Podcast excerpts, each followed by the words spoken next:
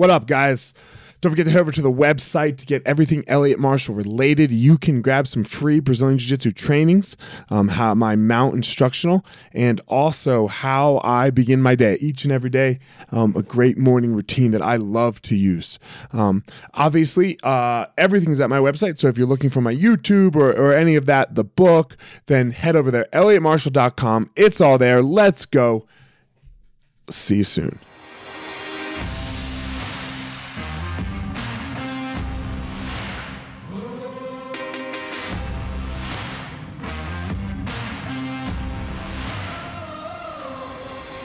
What's up, my ninjas? This is former UFC fighter Elliot Marshall, and this is the Gospel of Fire, where we are going to learn how to go into the fire so that we can find our power and live the best life possible.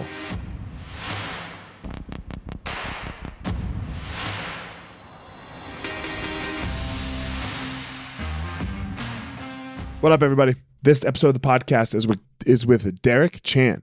Um, Derek Chan is a lifelong martial artist like myself, and he has turned that into a much different martial arts business model than what I have. He doesn't do just the, the he doesn't do the brick and mortar school. He teaches on a private lesson. He takes on clients in the uh, life coaching space as well as the physical fitness space, combining that with martial arts. So how he did that and how he made that um, his life has been very was very interesting for me to hear and learn about because it is um, in the same genre as mine, but he does it much differently. So without further ado, here we go, Derek Chan.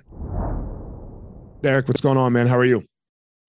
I'm good, Elliot. How are you? I'm doing well. We are uh, lifelong martial artists, right? So uh, it's great to talk to you and and, and uh, hear about your journey. I'm I'm very interested in how yours and mine are similar and different, and uh, the whole way. So uh, I guess when did you start martial arts, man? I actually started when I was eight. Okay, so. nice. And what kind? Uh, I started with Wing Chun, and I still do Wing Chun. Well, I actually teach Wing Chun. That's what okay. now. What uh, what what made you want to start martial arts? I think it's more of an, an Asian thing, actually. Okay. It's more like your parents want you to immerse yourself in the culture. So it was more like uh, I didn't have a choice actually. It was just more like you just go and learn it. oh, so your parent, so your mom and dad did martial arts or in Wing Chun, or was that how? Okay. No, I think for most like Chinese families, even now, they always just want their kids to like, especially Chinese that are born in in like like in Canada or in the states. They North always America, want yeah. their yeah, they always want their kids to immerse themselves into their own culture. So you would be learning like Chinese, right? Learning like the Chinese school, learning like maybe martial art that has to do with their culture, um, swimming, like well, not swimming. It's not Chinese culture, but you know what I mean, like yeah. stuff that they they all, all learn about their culture. Chinese school is very common. Yeah. What was it like for you growing up Chinese in in uh, in North America? Uh, actually, during my time, there is still quite a few Chinese. So, but in, in my school wise, I was probably the only two Chinese kid, and I was one of one of them. So okay, so not many. Different. Yeah, different. Not so what, many. Yeah. What, what what was it like? Because like a lot of times, uh, things are easier for us when there's other people who look like us and sound like us, and their families are like us.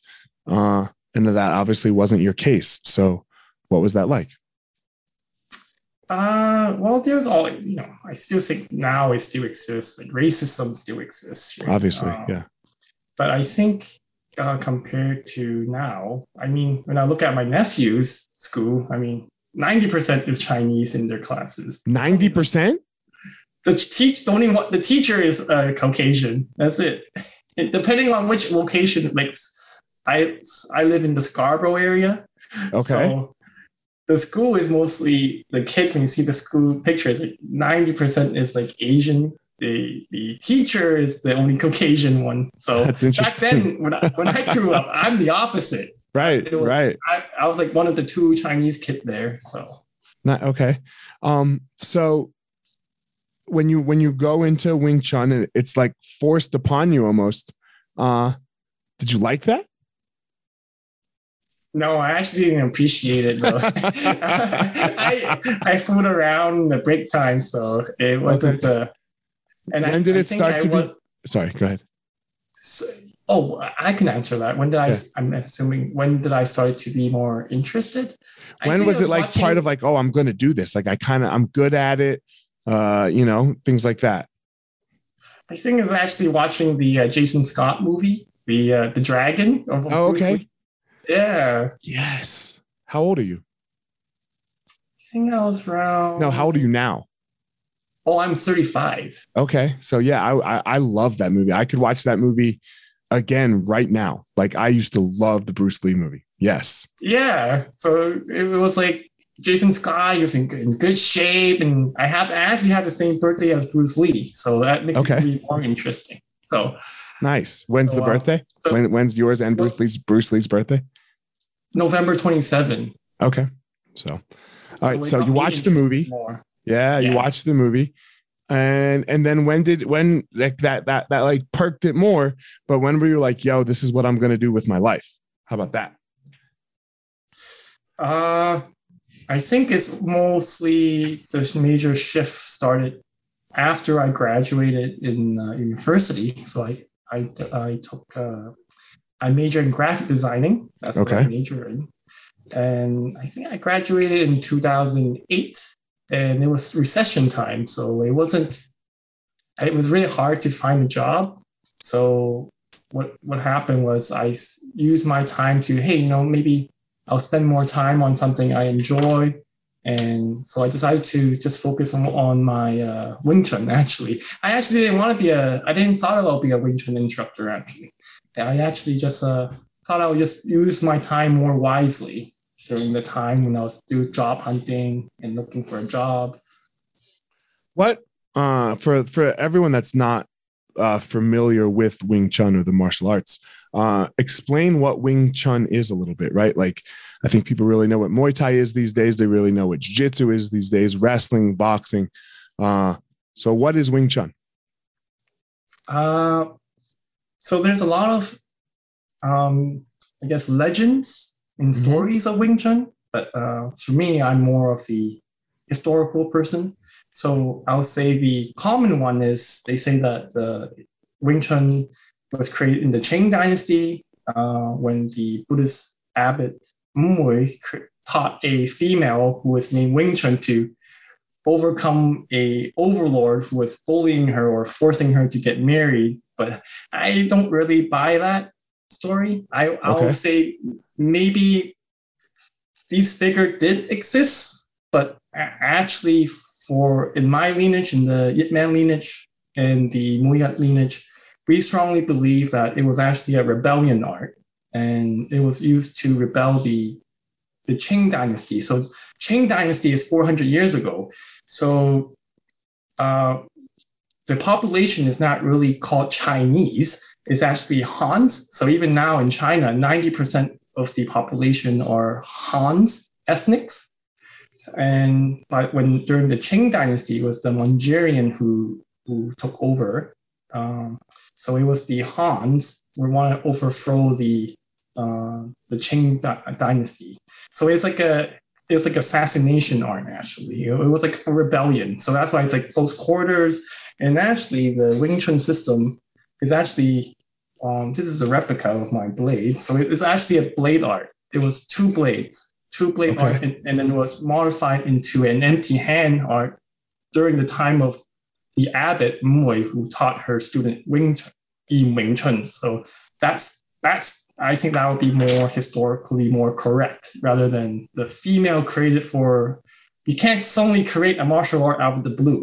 It has to have some type of foundation right. in order to so that's why I also don't believe in the snake and crane. So they said that the the Buddhist nun saw a snake and crane fighting, and that's how she got the inspiration. And I was like, I don't buy that. So yeah. Uh some of the animal references I, I I can see the movement, but like no, like like there has to have a base foundation to where it came from. So yes, um, that that's really interesting. I I did not know that. So, um, And so during the recession of 08, you you go into Wing Chun. How do you start like making a living with it? Like do you open a school uh, or, or or what is it that you do? No, I I actually well, I took jobs here and there. I did mostly freelancing. Um, thought I would teach English in Hong Kong. So I actually, through this whole time, I wasn't really planning to teach Wing Chun at all. Um, in Hong Kong, I also learned some from other uh, masters in the Wing Chun system. Um, I think it was by the time I was 25 when I, I came back to Toronto because my my uncle passed away, so I had to come back, and then that's when I started to teach Wing Chun. And I asked my sifu, and I, I said, you know, if if I have, can I have the permission to teach? just on the, on the side. So he said, yeah, you, you can teach. And then that's when I started to really teach him when I was 25. When you say just on the side. When you say on the side, what does that mean on the side? Oh, as in like one-on-one, uh, semi-private classes. Okay. Just, just when people who are interested and I'll teach them. Yeah. And where do you do that? Like at his school or at your house? Like, did you open like an official business? I well, I still do. I still rent a facility. Okay. So by hourly basis. So I still do. Uh, well, I'm doing personal training and uh, Wing Chun at the same time. So I don't really do like a big group class. I mostly focus on private classes and semi-private classes. Okay, so you teach in a semi, and you always have done it in that way. Yeah. Is that how you learned as well, or did, in a semi, in a private, semi-private way, or did you learn in a big group formal class? both. I did I did uh, one-on-ones and then I did like in a group setting. It's and it's more like a tradition. The group setting is more like a traditional, traditional. right? Very like curriculum. Yeah. So you so you said you do some personal training along with it. So like when you say that when you when you mix the two, is it the same class that you mix, or is it uh like you know you do Wing Chun one day and then like they they do another day when they meet you at like ten o'clock on Wednesday and they'll do personal training or is it all wrapped in one? It all really depends on what they they actually want to do. Some of them just want to learn, you know, I want to learn A to B or A to Z of Wing Chun, and I'll teach them like the, the inside out of Wing Chun. And some of mm-hmm. them think some of them just want like a, a stress relief or a hobbies. Like most of my clients who who wants personal training and Wing Chun are mostly of them are like they probably didn't have money when they're younger and they really want to learn martial art or exposed to martial art, but they never had the chance. So now that they're they're more like they're older and they have the money, they just want to learn something. It wasn't, but for them, it's not. If they don't want to learn the inside out of Wing Chun, it's just more like a hobby thing or stress relief. This is it's an interesting business model that you have. Uh, it, it's out of the norm of even martial arts, right? Like because most martial arts, like I'm a martial arts school and I have seven schools. Uh, we teach group classes, we teach private classes. The instructors can teach private classes, but that's the in general way. Like when you say you're a martial arts instructor, that that's how it goes, right? You have a school, you teach at a school. Like tonight, like when we get done this podcast, I'm going to do a little editing and then I'm going to go teach for the rest of the day at my school. So how did how did this become your plan? Like how how did you get here? which is very odd in the martial arts sense, right? Like most people don't just like rent a space and like have some private clients. Most people run run have a class, have a school. Uh I just felt like one on one is more like the there in my during I guess even right now it's, it makes more logical sense for me. Okay. Because um, I mean in terms of I guess when you have like the overhead of facility is, is much more, right? Oh yeah. And for me, I can. But you can also have. I can have 200. Like tonight, I'm gonna have 250 people in the place.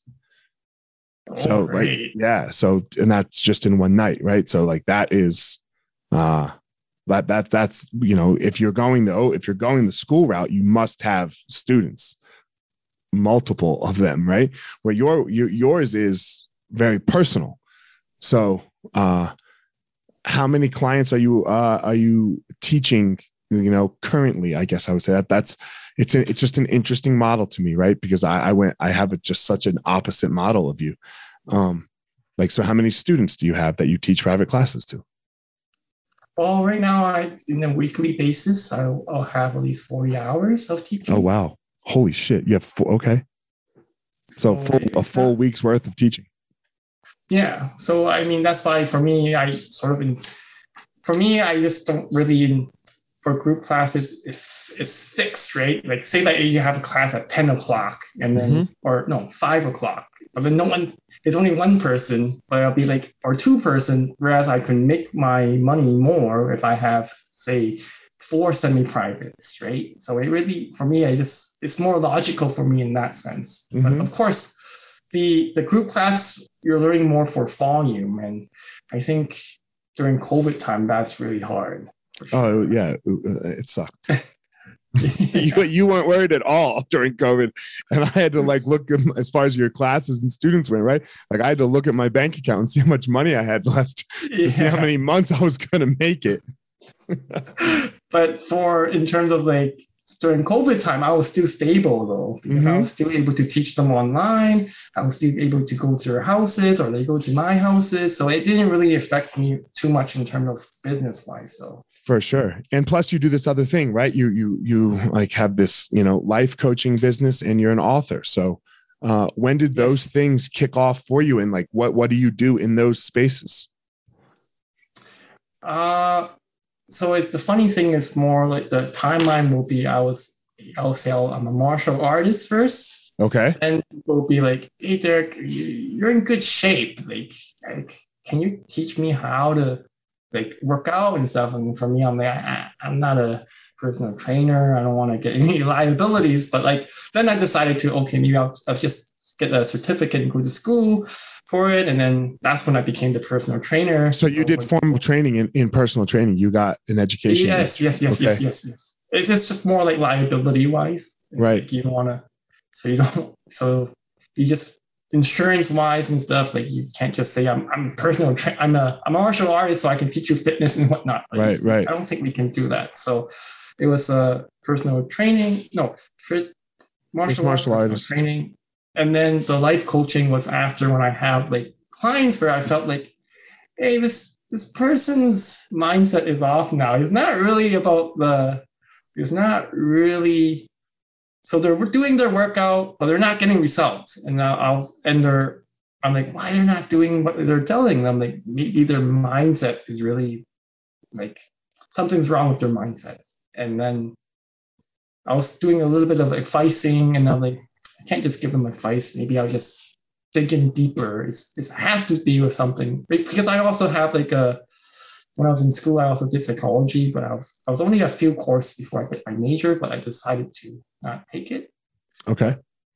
So I'm like, okay, and I'm not going to go back to school for to be a psychologist. So I maybe I'll go the the little route where I can have something to say that I can help you with your mindsets, and that's when I decided to become a life coach as well. Are, are So you into mindset work and, and all of that? Like, do you do it for yourself as well?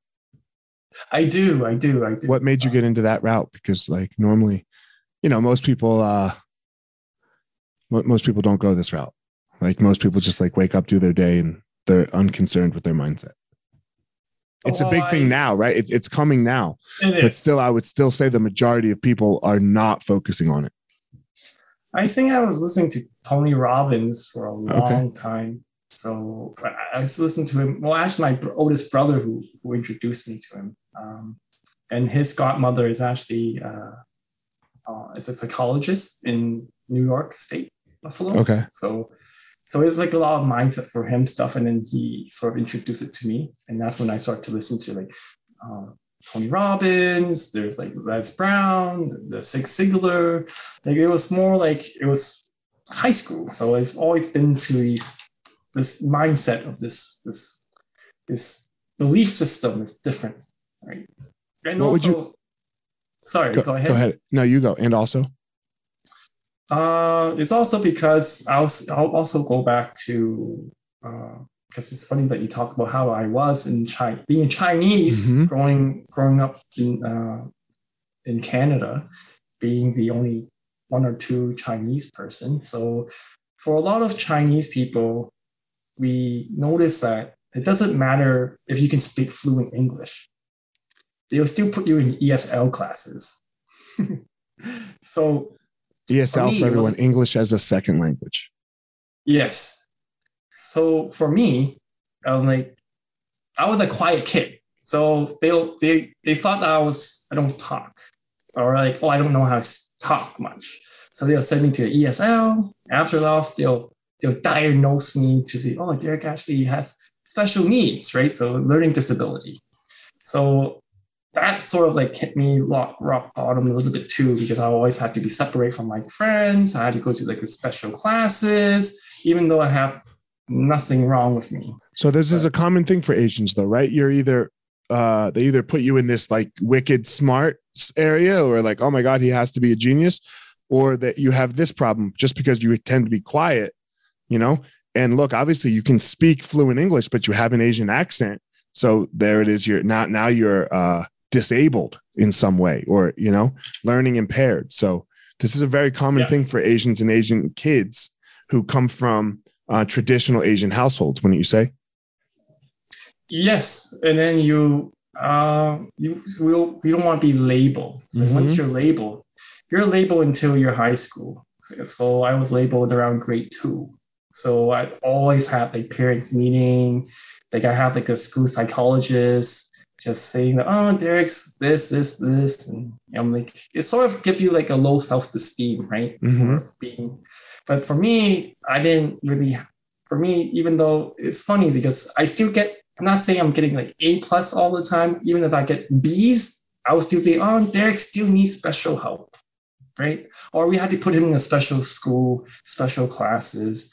So that I didn't have like letters of like principals agreeing with the school board psychologists and yeah, we both agree that if we have Derek going back to a regular school, it'll just jeopardize his learning experience. Like it's really just demotivating for but for myself, my dad was a strong believer of me. So because he's also a teacher himself. So he's like, no, no, Derek, it's not that you're bad. It's just maybe you're just learning slow, right? I'm like, but for me, I'm like, I'm still doing good. I still get hundred percent in art, right? But they don't talk about my art, right? Right. They- so this just this mentality of me of like, you know what, like I'm not gonna be judged based on someone's opinion. So so my mindset has always always been different from other people.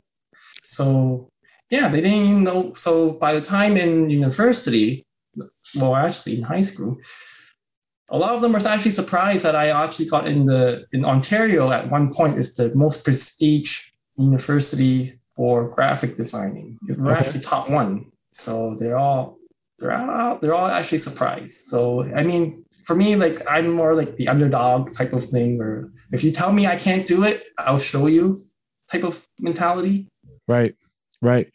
And look, that that's a definite developed and learned skill that you can obviously teach other people to do. What are some of the things that you really try to help people with in this mindset space? Yes. So that's why uh, when I notice my clients who are when I do the martial art and personal training, I see themselves having these type, similar mindset. But the difference is that they actually believe that someone else's opinion of you know you're not good enough or you're, you're you Look, know, this you're- is most people, Derek. Most people are very, very concerned with the opinions of others.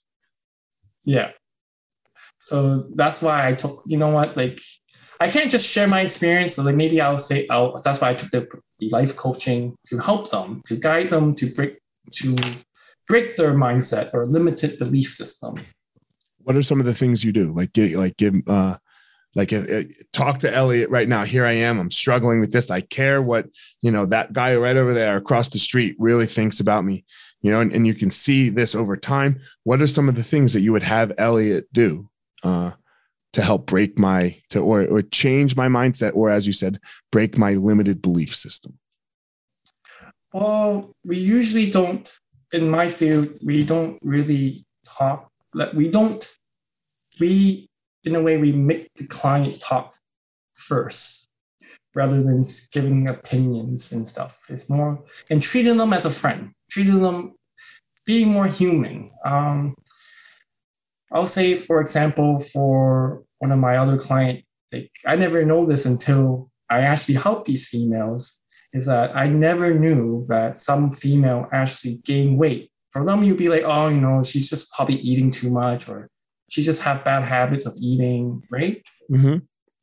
Or she just pick herself up. But uh, surprisingly, a lot of females that I noticed for, for me, I encounter is that they are at one point very pretty, but they were sexually assaulted. And they thought that by eating more or make themselves look uglier, that this problem of people trying to uh, it just push them away. It's, it's almost subconscious, right? Like they do this in a subconscious yeah. way. They're not saying, "Oh, look, if I just make myself uglier, then this won't happen to me." But that that's their solution to this problem. Yes. So right? because plenty of non-attractive women get assaulted as well. Yes. Yes. But like, you know, you see where I'm going with this, Elliot? Yeah. Sometimes you like you have to get to know the person more in order for them to tell you their history. Like, get the trust first, and then the I call it the the good, bad, and ugly. As in, that's when they tell you. Once they trust you, they'll slowly tell you more about the the ugly side of things or what happened to them. Then you can slowly weed out the root of the problem. Is what I call because you can't you can't really um, you can't really give your opinion, but more like most of the time, I always tell my clients we all have answers of ourselves.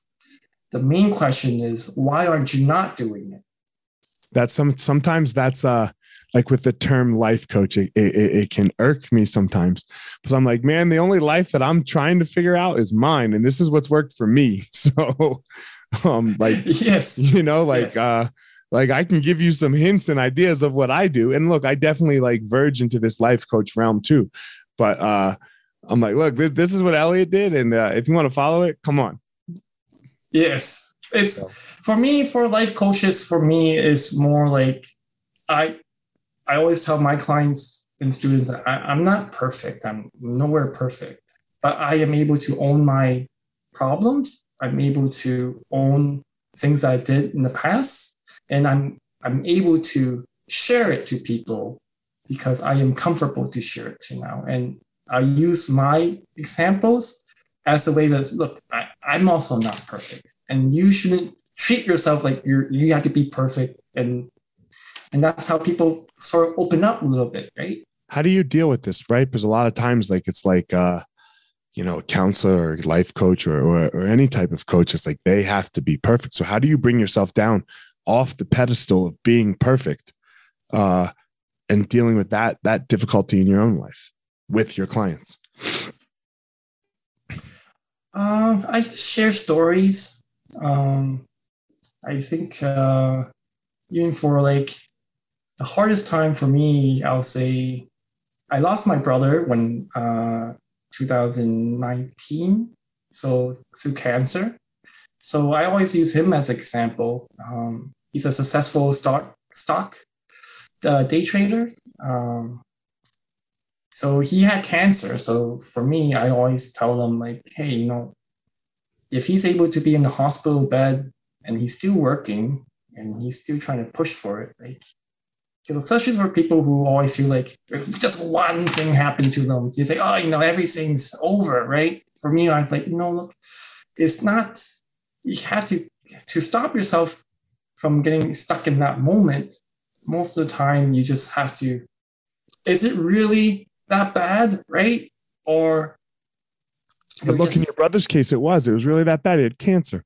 Yeah yeah and my brother and i always tell them like look like if my brother is still able to work and not complain like has he complained? Yeah he's always in pain and stuff but like it's more what you value, what he value, right? He still value his family. And that's why he's still in the last day of his breath, he's still trying to work, trying to manage all the finances, right? And he wanted to make sure his family's okay, right? And that's why I always tell my clients, like, you know, no matter how bad your day is or whatever happened to you, you have to know what what is your value. What do you value? What what makes you what do you make make you get up from bed, right? No matter what you know, in that in, the Chinese philosophy or Chinese saying, if money is a problem, and our money can solve the problem, then it's not a problem. Things that are can't be solved by money, then that's a huge problem. Like, right? Yeah, you can, like I mean, in this example, you can have all the money in the world, it doesn't do a thing for cancer. Like you can get Yeah. more treatment, maybe, but it's not necessarily going to work, right? Like, it, like plenty of really, really rich people. Uh, look, one of the richest ever, Steve Jobs, died of cancer, and his money could Yeah. not do anything for him. Yeah. So, and that's why for me i always say is is is yes money it, well actually it's from Yip Man. Yip Man actually also well when you look do you ever follow the Yip Man series No, no. No, uh so Yip Man is is Bruce Lee's mentor okay, so Yip Man was actually from a wealthy family. So back then, all the Chinese martial art in, in one certain point was just really made for the rich kids or wealthy family. So Yip Man was wealthy, so he was able to learn uh, Wing Chun. So he said his tuition was what uh, around like 16, 16 silver tael to get to just get accepted. And he has to pay like one silver tael every month. what, what's to- that? What's that equivalent to today? One silver tael can get like a hundred pounds of rice. He said, Okay, that's a lot. And sixteen, yeah, sixteen silver tael. He said you can, you can get like uh you can get like another wife. You can get a couple of houses. Okay. So- yeah, he said that. I don't want another wife, man. No way. Fuck that. I got one. That's enough. No way. I don't want to. but just for Yip Man, he was Yeah. Yip Man was coming from a very rich family until wartime happened and then communism happened. So he actually had lost everything, right? By the time he actually reached to Hong Kong. Mhm. So that's why there's a saying for there's a poem he wrote. He wrote that money is just a lubricant of life. It doesn't make life. Like, yeah, you can do stuff with the money, but it, it's not life. It just helps you get by. And I think that's also embedded in a lot of Chinese thinking as well. Hence the money, if money is, can solve the problem, then it's not a problem, right?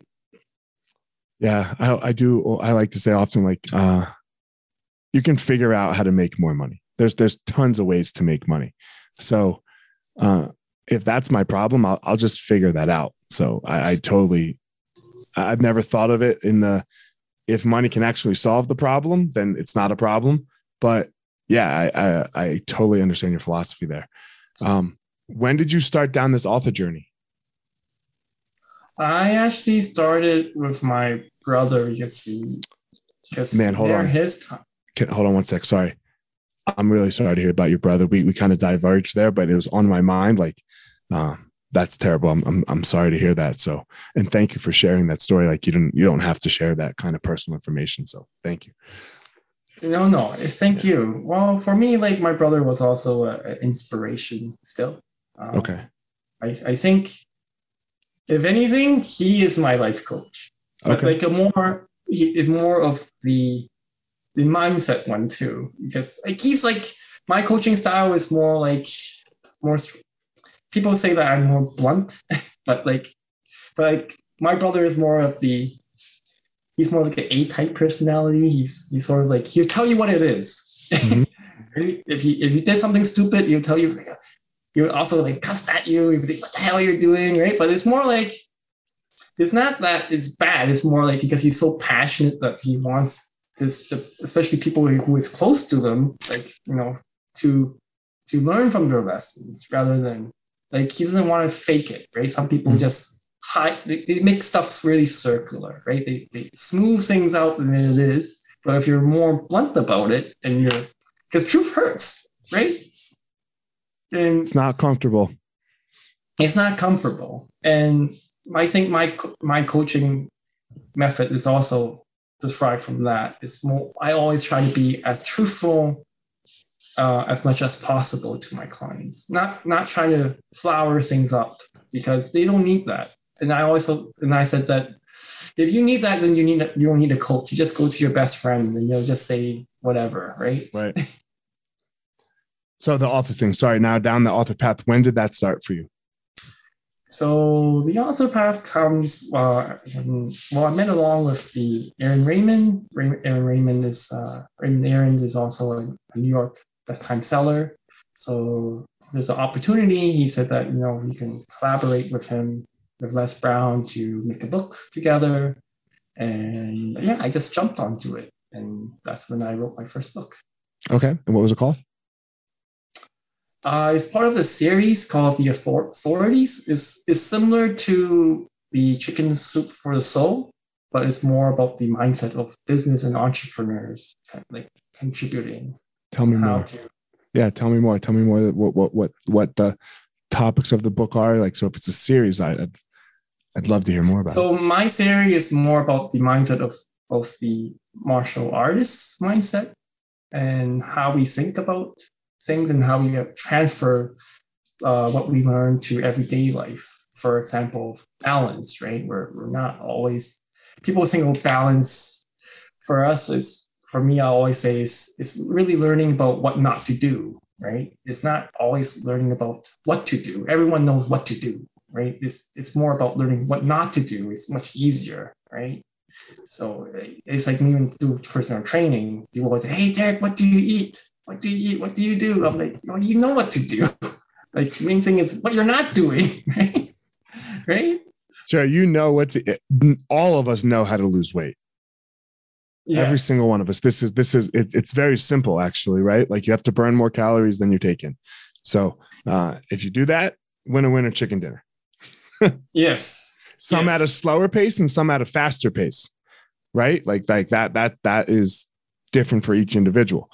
But you know, if if you if you don't eat as much, if you burn more, you're the it, it wins.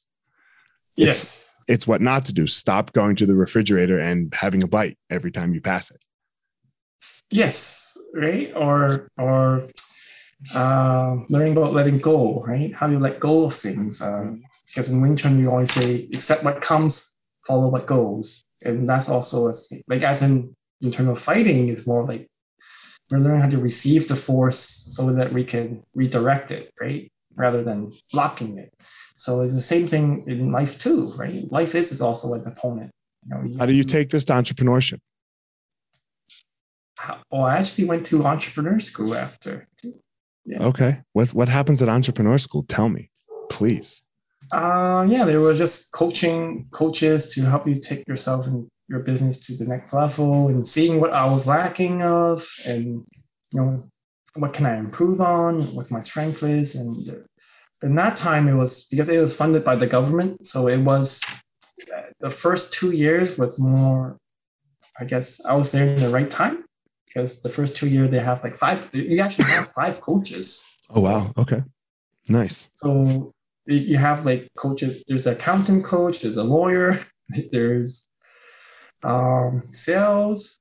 Um, there's there's a media one. It was just telling. It's a really like a good program that just exposing what you're lacking, what you should be working. Most businesses also lacking is a business plan, right? They don't have a business plan. Or Right. what is your niche? Who is your niche? And that's also, uh, I guess, develop my the personal training with the with the martial art and the and the and the life coaching because it's you it's different. Right. What separate me is is different because I'm not the I'm not a martial art school where I, I just teach you martial art. Right. Just Yeah, no, that like that's yeah, that's it's that's I guess what I was asking earlier was like this whole package that is Derek, but now I get it.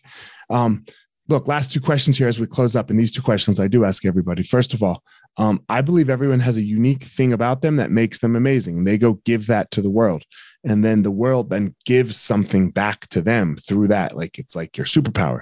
So, what do you think is your power? what is my power? I never really thought about that. I think actually I do. Uh, I'm a big fan of Superman. uh, Okay. and even more so, Superman of the the S signs. Now they changed it to the S sign means hope. Um, Okay. So I always see myself as Superman, as in the sense that I will be there for to help people to give them hope. Still, yeah. Okay. that's but yeah, no, that's that's amazing. Yeah, I, I think it's important that we know what it is that we give to the world. So um, that's why I asked that question. Um, and then lastly, uh, this podcast, right? Like this hour is 45 minutes that we're sitting down here. It's not really going to do much for like, you know, your uh, ROI or your needle, or like, you know, you're not going to gain a lot of clients from this. Uh, your Instagram won't blow up any more than uh, it, it blew it, than it has now. Like I don't know, maybe two followers, something, something. You know, so why sit down with a guy that you don't really know? Uh, you asked me why what made me reach out to you. So now my question back to you is why say yes? Why say why say yes to a, a podcast that you know it's just one dude with another and might not really do much for you in a financial or a sense? Uh, I I honestly believe in just reaching as much people as possible. Um, for me, like you can't serve everyone, but I'm happy if if my story is able to help someone, just even just one, like that makes my day. Good. Right. Really. Awesome. Um, I just think it's an important question. I say it, you know, I say this on every podcast. Like everyone always wants, like, oh man, what am I going to get? Man, you never know what you're going to get. You never know how this comes back to you. you. It's it's unaware sometimes the ROIs that we get in the world for work that we did. I don't know, a year ago, ten years ago, or a relationship that we made. So, um, so who knows? Uh, man, Derek, thanks for doing the podcast. Tell everyone where they can like find you if they would like to work with you, your website, your your profiles, all that stuff, your social profiles, your books. All, all my links are in my Instagram page, uh, Derek G Chan. So D E R E K G C H A N. Uh, yeah, you can find me up in Instagram. All right. Awesome. Well, Derek, thanks for coming on. Uh, everyone, as always, don't go out in the world and try to be Derek. He has his unique power and thing that he gives to the world. And don't try to be Elliot. I have my unique thing and power that I give to the world. Go out there, everyone, and find your own power. All right, everyone, thanks for listening to this episode of The Gospel of Fire. If you enjoyed the episode, I'd love a review on iTunes or wherever you are listening to this podcast. Don't forget to follow me on social media at Fire Marshall 205 if you are a BJJ enthusiast, check out my YouTube channel. I put all kinds of instructional DVD uh, videos out on there, so go check it out. My book is still out on Amazon by the same name as the podcast, The Gospel of Fire. So if you are interested, go check out that. And most importantly, guys, go out there every day, find your power. Thanks a lot.